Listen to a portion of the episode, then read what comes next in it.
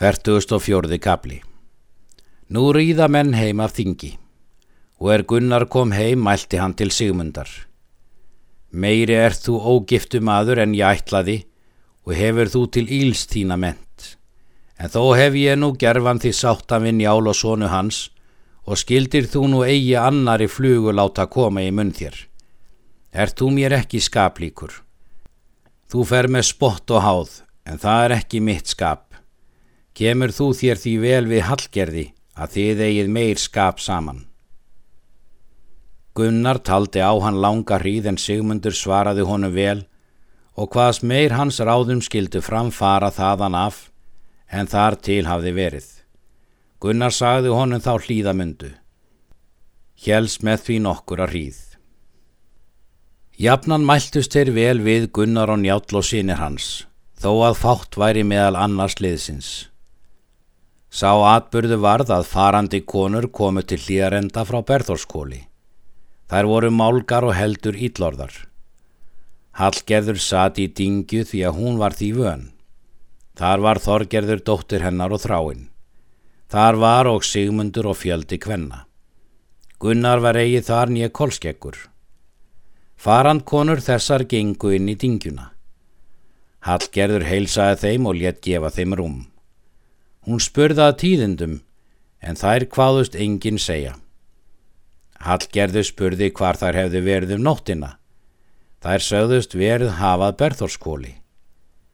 Hvað hafðist njáttlað, segir Hallgerður. Strýtaðist hann við að sítja, sögðu þær. Hvað gerðu sínir njáls, sagði Hallgerður. Þeir þykjast nú helsmenn. Miklir eru þeir af allar sín, en óreindir eru þeir mjög, sögðu þær. Skarpjeðin kvatti öksi, grímur skefti spjót og helgi hnauð hjalt á sverð. Höskuldur treysti mundriða í skildi. Til stórræða nokkur að munu þeir ætla, segir Hallgerður. Egi vitum við það, segja þær. Hvað gerðu húskarlar njáls, segir Hallgerður. Þær svöruðu. Egi vissu við hvað sumir gerðu en einn óg skarni á hóla. Hví myndi það sæta, segir Hallgerður. Þær svöruðu. Það sagði hann að þar er þið taða betri en annar staðar. Mísvitur en jál, segir Hallgerður. Þar er hann kann til hversvetna ráð. Hvað er í því, sögðu þær? Það mun ég tilfinna er satt er, segir Hallgerður er hann létt eigi aka í skegg sér, að hann væri sem aðrir karlmenn og kvallum hann nú karlinn skegglausa en svonu hans taðskeglinga og hveð þú um nokkuð sigmundur og láta oss njóta þess er þú ert skáld. Hann hveðst þess vera albúin og hvað þegar vísur þrjár eða fjórar og voru allar ídlar. Gersemi ert þú, sagði Hallgerður, hversu þú ert mér eftirlátur. Gunnar kom að í þessu. Hann hafði staði fyrir framandingin og hyrt á öll orðtækin. Þeim brá mjög við er þau sáu hann inn ganga. Þá þögnuðu allir en áður hafði þar verið háreisti mikið og hlátur. Gunnar var reyður mjög og mælti til Sigmundar. Heimskur maður ert þú og óráðhóllur. Þú rópar sónun Jáls og sjálfan hann, er þó er mest verðt en slikt sem þú hefur áður afgjert við þá og mun þetta vera þinn bani. En ef nokkur maður hermir þessu orð, þá skal sá í brautu verða og hafa þó reyði mína. En svo var þeim öllum ótti mikill að honum að enginn þorði þessi orða herma. Síðan gekk hann í braut. Farandkonurnar töluðu um með sér að þær myndu taka launa berðþoru ef þær segðu henni þetta fóru síðan ofan þangað og sögðu Bergþóru á laun og freyið. Bergþóra mælt er menn sátundir borðum. Gjafar eru yfir gefnar feðgum og verði þér litlir drengir af ef þér launið engu. Hversu eru gjafar þær, segir skarpiðin. Þér sinir mínir eigið allir eina gjöf saman. Þér eruð kallaðir taðskeglingar en bóndi minn Karlinn skeglausi.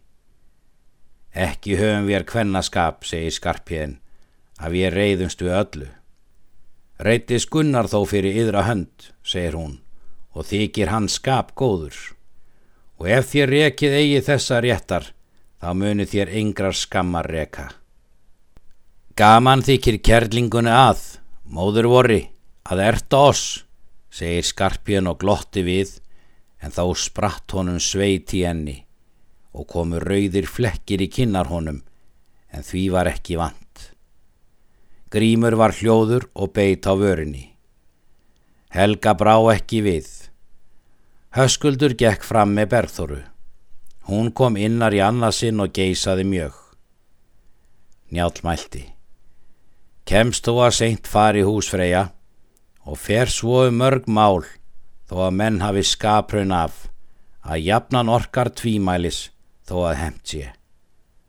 En um kveldi er njálf var komin í rekju heyrði hann að öks kom við þýlið og söngi hátt, en lokrekja var önnur og kengu þar á skildir, og sér hann að þeir eru í brautu. Hann mælti, hverjir hafa tekið ofan skjöldu vora? Sýnir þínir gengu út með, segir Bergþóra. Njálf kifti skóma fætur sér og gekk út og öðrum megin húsins og sér að þeir stefna upp á kólinn. Hann mælti, Hvert skal fara skarpjöðin? Leita sögða þinna, segir hann. Njálf mælti. Ekki myndi þér þá vera vopnaðir ef þér ætluðu það og mun annað vera erindið. Lagsa skulum við veiða fadir ef ég rötu mig í sögðina, segir skarpjöðin. Vel væri þá ef svo væri að þá veiði bæri eigi undan, segir Njálf. Þeir fóru leið sína en Njálf gekk inn til kvílu sinnar. Hann mælti til Berðóru. Úti voru sínir þínir með vopnum allir og mynd þú nú hafa eggja þá til nokkurs. All vel skal ég þakka þeim ef þeir segja mér heim víg sigmundar, segir Bergþóra.